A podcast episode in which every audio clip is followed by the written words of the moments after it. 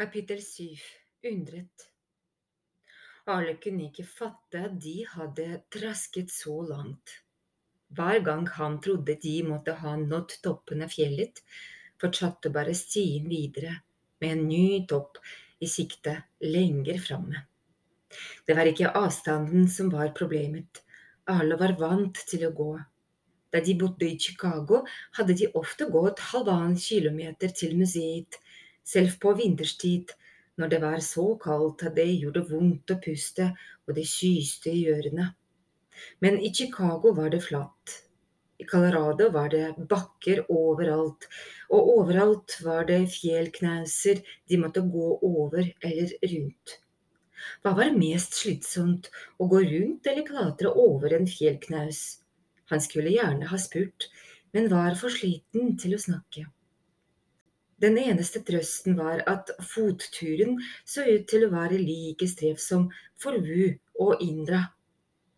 Ved bilen, da de først tok på seg ryggsekken, hadde de diskutert om hengekøyer kunne regnes som senger. Wu var skråsikker på at det kunne de. Man kunne tross alt sove i en hengekøye. Indre sa at hvis man fulgte Wus logikk, var alt et menneske overhodet kunne sove i, en seng. Det var seg en sofa, en bil eller et fly. Både Wu og Indre prøvde å vinne Arlo over på sin side. Men før de hadde gått den første kilometeren, ga de opp hele diskusjonen uten å ha kommet fram til noe. Hele troppen skulle vandre til fots til Rams Meadow, en mye brukt læreplass.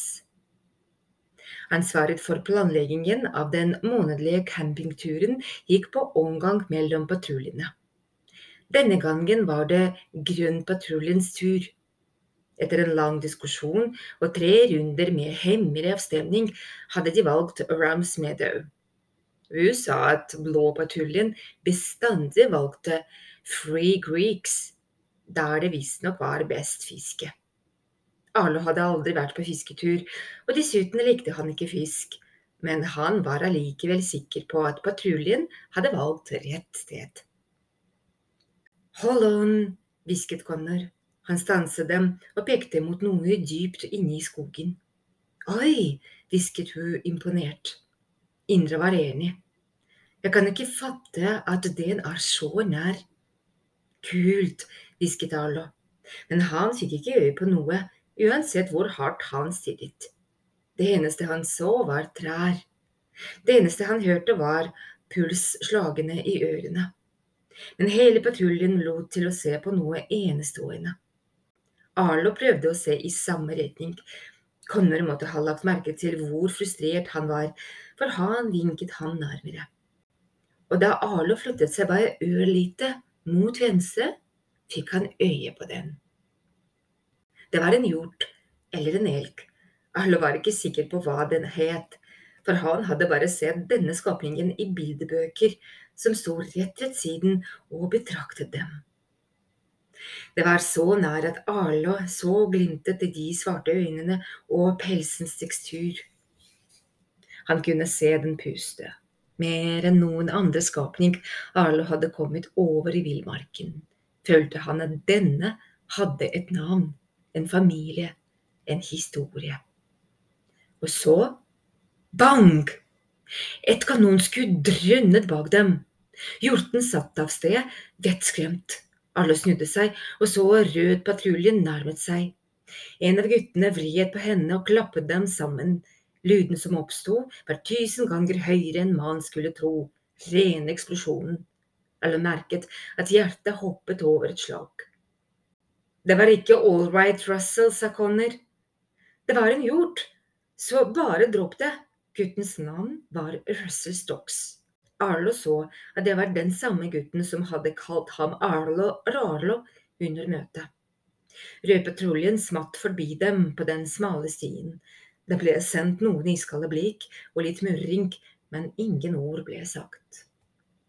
Det heter et tordenklapp, sa hun. Vi lærer det ikke før vi kommer til uglet. Men hva er det?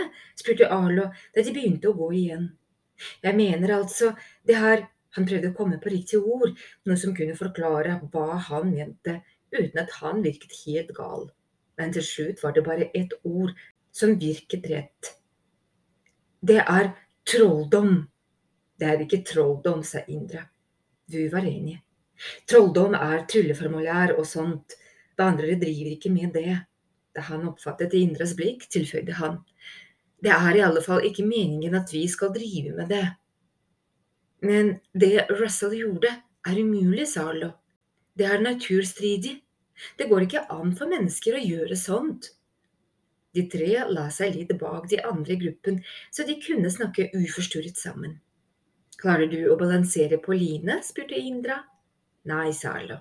Men du har sett linedansere på TV, for eksempel. Du vet at det er noe folk er i stand til å gjøre. Ja, men hvordan tror du de klarer det? De lærer seg det, de øver. Nettopp. Et tordenklapp er en ferdighet, akkurat som å balansere på line. Selv om det er noe folk flest ikke klarer, er det ikke trolldom av den grunn. Men hvorfor har jeg aldri vært borti det før nå, sa Arlo. Fordi det bare fungerer bestemte steder, sa hun. Indre strakte fram sin venstre hånd.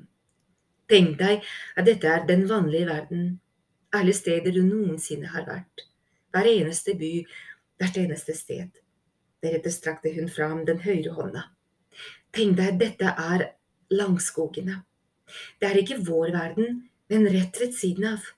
Til vanlig ser du den ikke, du vet ikke engang at den er der, men så finnes det noen steder hvor de to verdenene berører hverandre. Hun strøk hendene forbi hverandre, slik at de så vidt kom i berøring. Når det skjer, skapes det friksjon, energi. Som statisk elektrisitet? spurte Arlo. Indre og Vu så imponert på hverandre. Det begynte å demre for Arlo nå. Fjellene her har mye av den energien, og hvis man vet hvordan man skal bruke den, konsentrere den og forme den, kan man utrette mye med den. Når får jeg lære det? spurte Arlo. Du har allerede begynt å lære, sa hun. Du er vandrer nå. Rams Meadow var verdt turen. Det var en lysning som lå tre tredjedeler oppe i fjellet, med store blomsterenger og veldige kampsteiner som så ut som kjempers tær. Noen harelignende skapninger som het pipeharer, betraktet dem i ly av mosegrodde steiner. Etter at Blå patruljen hadde kranglet litt med de røde om hvor de skulle slå leir, valgte de seg en plass til å sette opp teltene. Middagen bestod av pølser og bønner tilberedt over leirbålet. Begge deler smakte ekstra godt av røyk og utmattelse. Arlo hadde aldri før sittet rundt et leirbål. Det var merkelig hypnotiserende som å se på TV med bare én kanal. Kubbene løste seg langsomt opp til lysende glør. Hvite askeflak blafret opp, båret av usynlige luftstrømmer. Et lysglimt fanget oppmerksomheten hans. I det fjerne sto noen i seniorpatruljen på rekke og rad. I tur og orden pekte de med fingeren og skjøt ut hvite lysstriper som syste over natthimmelen før de langsomt sluknet og falt. Er det fyrvirkeri? spurte Arlo. Det er knipselys, sa Indra. Det er som når du knipser med fingrene, forklarte Connor. Men i stedet for lyd lager du lys. Han reiste seg og viste hvordan. Med en håndbevegelse knipset han med fingrene. Et klart lysglimt brøt fram og skjøt ut som en liten komet. Det er bare lys, ikke varme, så det går ikke an å sette fyr på noe. Vandrerne bruker dem stadig vekk, de er bedre enn lommelykter. Arlo prøvde, men ingenting skjedde. Det var som å prøve å fange noens oppmerksomhet uten å få det til. Tenk deg at lufta er et stykke papir, sa Connor. Du prøver å lage en skarp brettkant, lyset følger den kanten. Det handler om å beregne tida, forklarte Bo. Han demonstrerte, men lyset forlot knapt fingertuppene hans. Det fislet ut før det egentlig hadde kommet i gang. Indras knipselys var mer som en ildflue et svakt lysskinn som sloknet fort. Tvillingene Julie og Jonas hadde litt bedre knipselys, begge varte i omtrent tre sekunder. Storesøsteren deres hadde også vært i vandringene, så de hadde lært det av henne. Men ingen hadde knipselus som kunne sammenlignes med Connors. Han klarte å skyte ut tre i kjapp rekkfølge og sende dem av sted som steinsprett over en innsjø. Arlo fortsatte å prøve, men det eneste han oppnådde, var såre fingre. Før eller siden får du det til, sa Connor. Det krever et par måneders trening. Mens Arlo så lysende fare over enga, minnet han seg selv på at det strengt tatt ikke var trolldom, selv om det jammen virket sånn. Hvorfor er det aldri noen som snakker om dette, spurte han.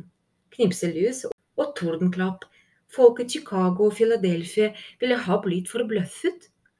Hvorfor jeg har aldri sett videoer av det på internett. Det kalles et under, sa Connor. Det går ikke an å fotografere det eller dokumentere på noen måte. Man må se det med sine egne øyne. Wu spiddet en ny marshmallow for å grille den. Det blir som når det er en fullmåne og den ser diger ut, men når du tar bilde av den, er størrelsen helt vanlig. Det er absolutt ikke sånn, sa Indra. Du snakker om synsbedrag. Knipselus og tordenklapp finnes på ordentlig. Det går bare ikke an å fotografere det. Men det går fortsatt an å ta bilde av månen. Den ser bare ikke så stor ut. Hvis du prøver å ta bilde av et knipslus eller en alvebilde, vil det ikke synes i det hele tatt. Men det går an å fortelle folk om det, sa Arlo. Det går an å beskrive dem, hvordan de er. Ja, men da er det ingen som tror deg, sa Vu og blåste ut ilden på marshmallowen. Sånn er det med underet. Det er også derfor disse greiene bare virker her, for det er bare her det gir noen mening. Og steder som her, tilføyde Connor. Det finnes vandrere over hele verden. Fordi langskogene strekker seg overalt, gjettet Arlo. Nettopp, sa Connor. Men jo lenger du kommer fra kanten av landskogene, desto færre undre er det.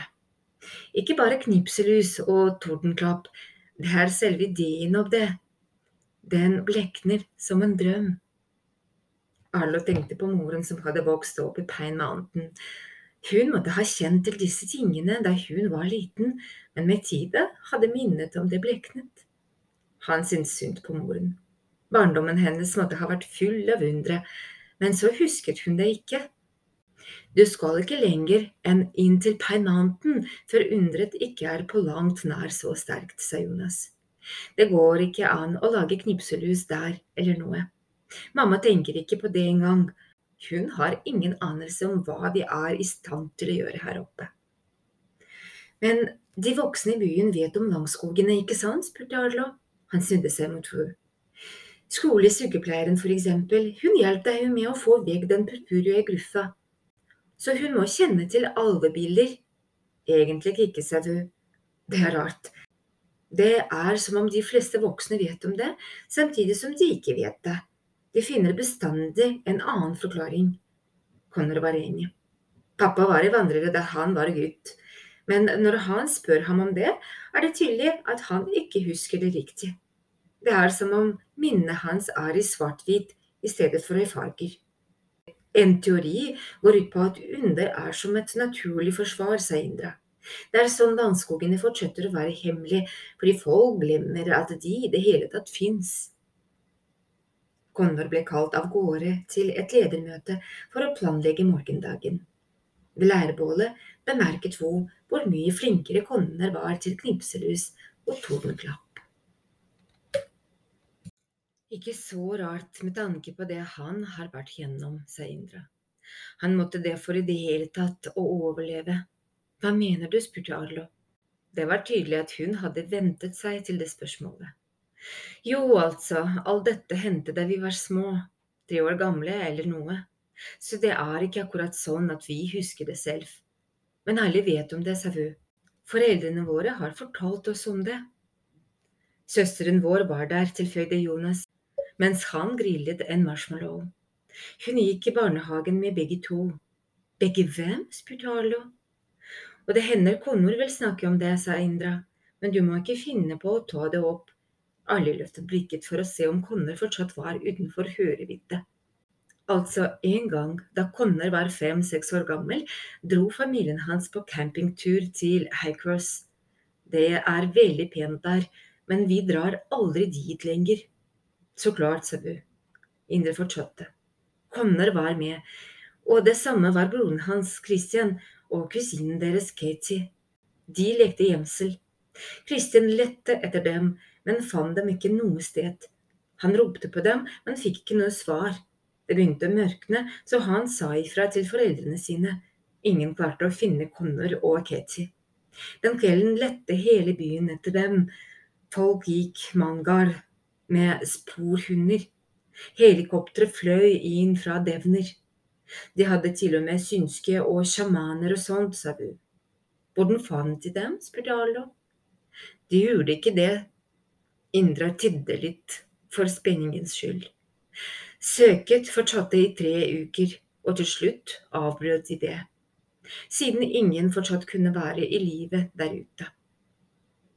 Arlo var forvirret, men konner lever fortsatt. En måned etter at de forsvant, dukket plutselig Connor opp i Canada, tusenvis av kilometer unna. Ingen kunne forklare hvordan han hadde havnet der. Connor husket ikke noe av det som hadde skjedd etter at de lekte gjemsel. Han hadde ingen anelse om hvor Katie var. Ble hun ikke funnet? spurte Arlo. Nei, sa Vu. Sporløst forsvunnet.